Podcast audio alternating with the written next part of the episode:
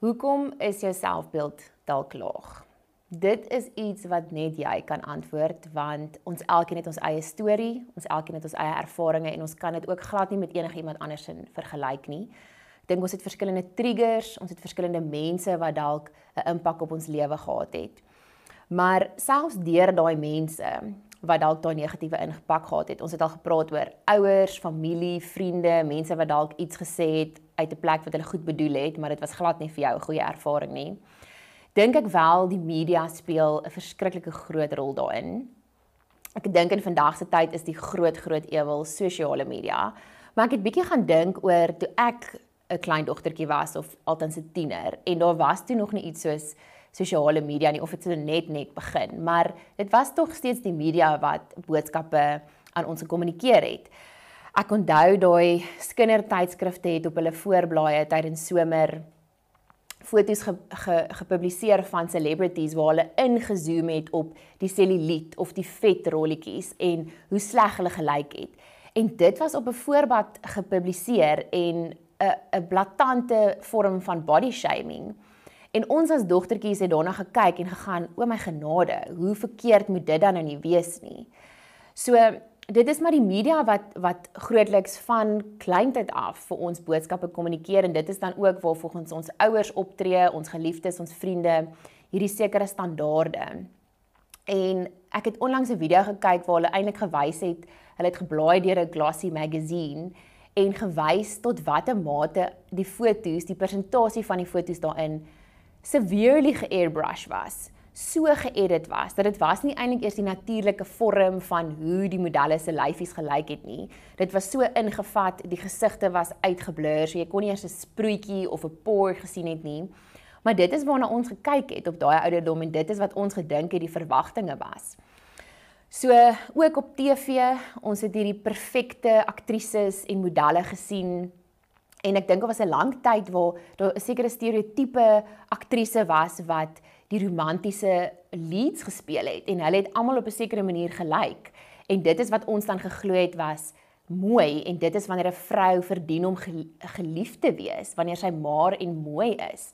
So ek dink vandag en en goed vir die media in daai sin is daar al bietjie meer diversiteit, maar ek dink ons het nog 'n baie lang pad om te stap om regtig different body shapes and sizes to normalize. Dan is die nuwe ewel nou in vandag se tyd sosiale media wat ek dink nog meer gevaarlik is as die TV en die tydskrifte want is iets wat konstant tot ons beskikking is en ek het onlangs statistiek gelees waar hulle sê die gemiddelde tiener kan maklik op 'n daaglikse basis die hoogte van die Big Ben in Londen scroll. Dit is hoe baie ons scroll en na prentjies kyk op ons fone. En ek dink partykeer dink ons ons scroll verby ietsie en jy het nie eintlik daarna gekyk nie. Tog, ons is slim, ons moenie ons breine onderskat nie. Daai paar sekondes wat jy na iets gekyk het, het dit wel met jou iets gekommunikeer. Dit het 'n boodskap gehad. Of dit nou was my hare is nie so mooi nie of ek het nie sulke mooi klere nie of ek kan nie op sulke amazing vakansies gaan nie. Ietsie van daai foto of daai prentjie of daai boodskap wat jy gelees het, het iets met jou gekommunikeer al dink jy jy het eintlik oor dit gescroll ook daar is soveel filters en face apps en body tuning dinge dat ek partykeer vandag wonder wat is regtig real. Ek het net gisterond 'n video gekyk waar 'n meisie eintlik baie eerlik was en sy het 'n video gemaak waar sy wys hoe lyk haar normale fotos en hoe dit lyk na sy dit geëdit het. En dit lyk nie eers soos dieselfde mens nie. Maar nou sit ons by die huis en ons kyk na hierdie fotos en ons begin dink genade. Hoe sal ek ooit mooi genoeg of goed genoeg wees om met hierdie tipe mense te kan ek wil amper sê trying to keep up with the Joneses. Maar dit is van die begin af 'n heeltemal 'n onrealistiese verwagting wat ons dan het oor onsself want dit is nie eers hoe hulle regtig lyk nie. Ook die hoeveelheid tyd wat ons spandeer op hierdie apps. Dit is nou deesdae ongelukkige ding as ons verveeld is en ons sit iewers en wag Ehm um, ek wat baie tyd op op stelle moet spandeer en hulle praat mos van hurry up and wait. So jy sit reg vir jou skoot en dan skiet jy eintlik eers 3 3 ure later. So wat doen ek nou? Mense is op jou foon.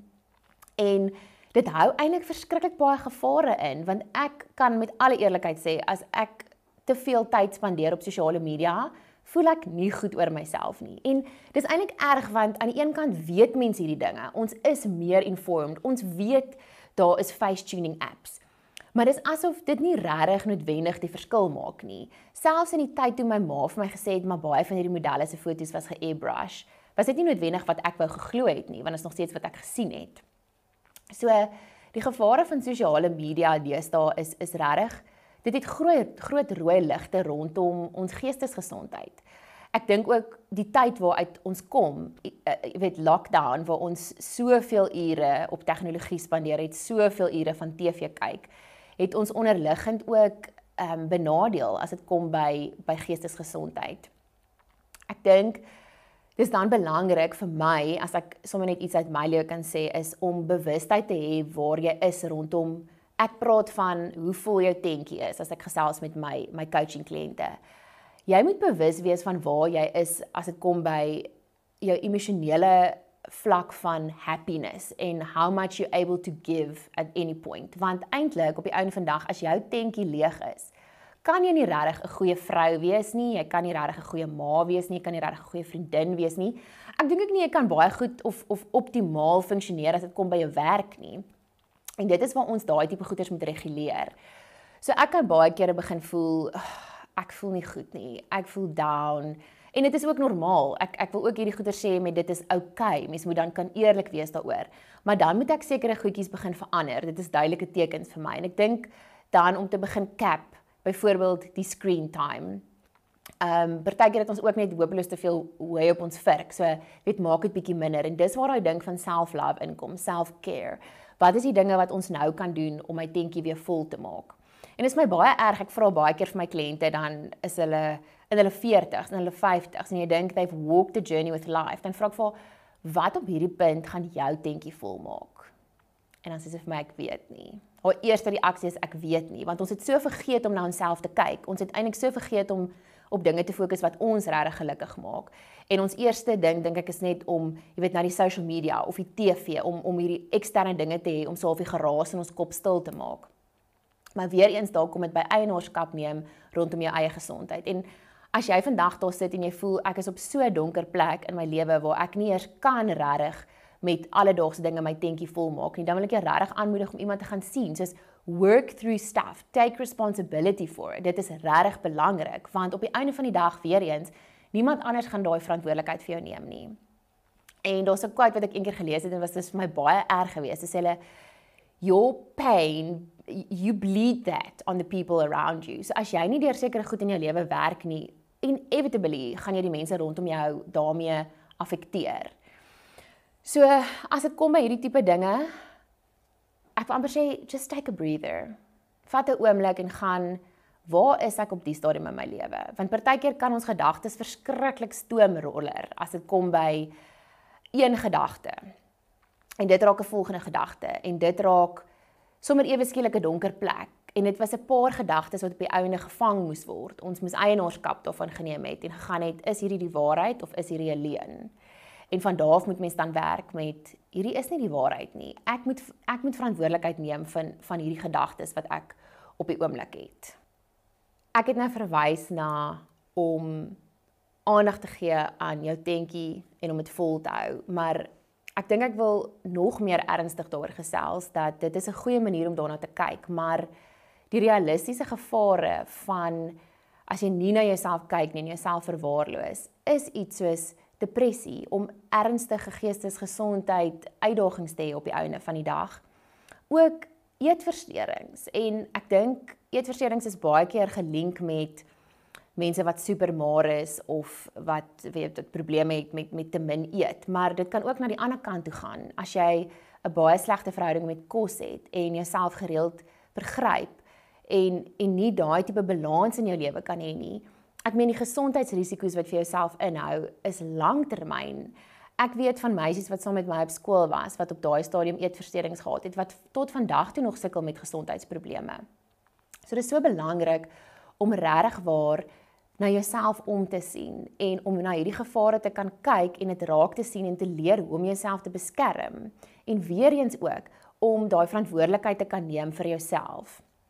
Om regtig te kan weet waar is dit waar jy die werk moet doen. En ek het nou gesels met as jy voel jy het regtig hulp nodig as dit kom by geestesgesondheid gaan sien iemand, maar ook as dit kom by die eet uitdagings wat jy dalk het of rondom jou gewig. Daar's ongelooflike dieetkundiges daar buite en dit gaan glad nie oor om vir jouself 'n die dieet uit te werk nie. Ek dink partykeer is dit net belangrik om dalk jou hele ehm um, manier van dink te verander as dit kom by kos, want dit is eintlik veronderstel om 'n wonderlike ding te wees. Ons moet kos geniet. It's fuel for our bodies. This a it's a great thing. Eating should be enjoyed. Maar as jy voel jy kan nie op hierdie stadium jouself help nie, is dit dan belangrik om uit te reik na ander want daar is ongelooflike mense wat opgelei is hiervoor. En ek dink regtig die Here gee vir ons mense en tot ons beskikking om hulle te kan gebruik om te kan hulp vra. So dis ook 'n groot ding om partykeer daai ego na die kant toe te skuif en te gaan, ek het hulp nodig. Ek dink ek dink eintlik iemand kan my nog ons goeie leiding gee op hierdie stadium.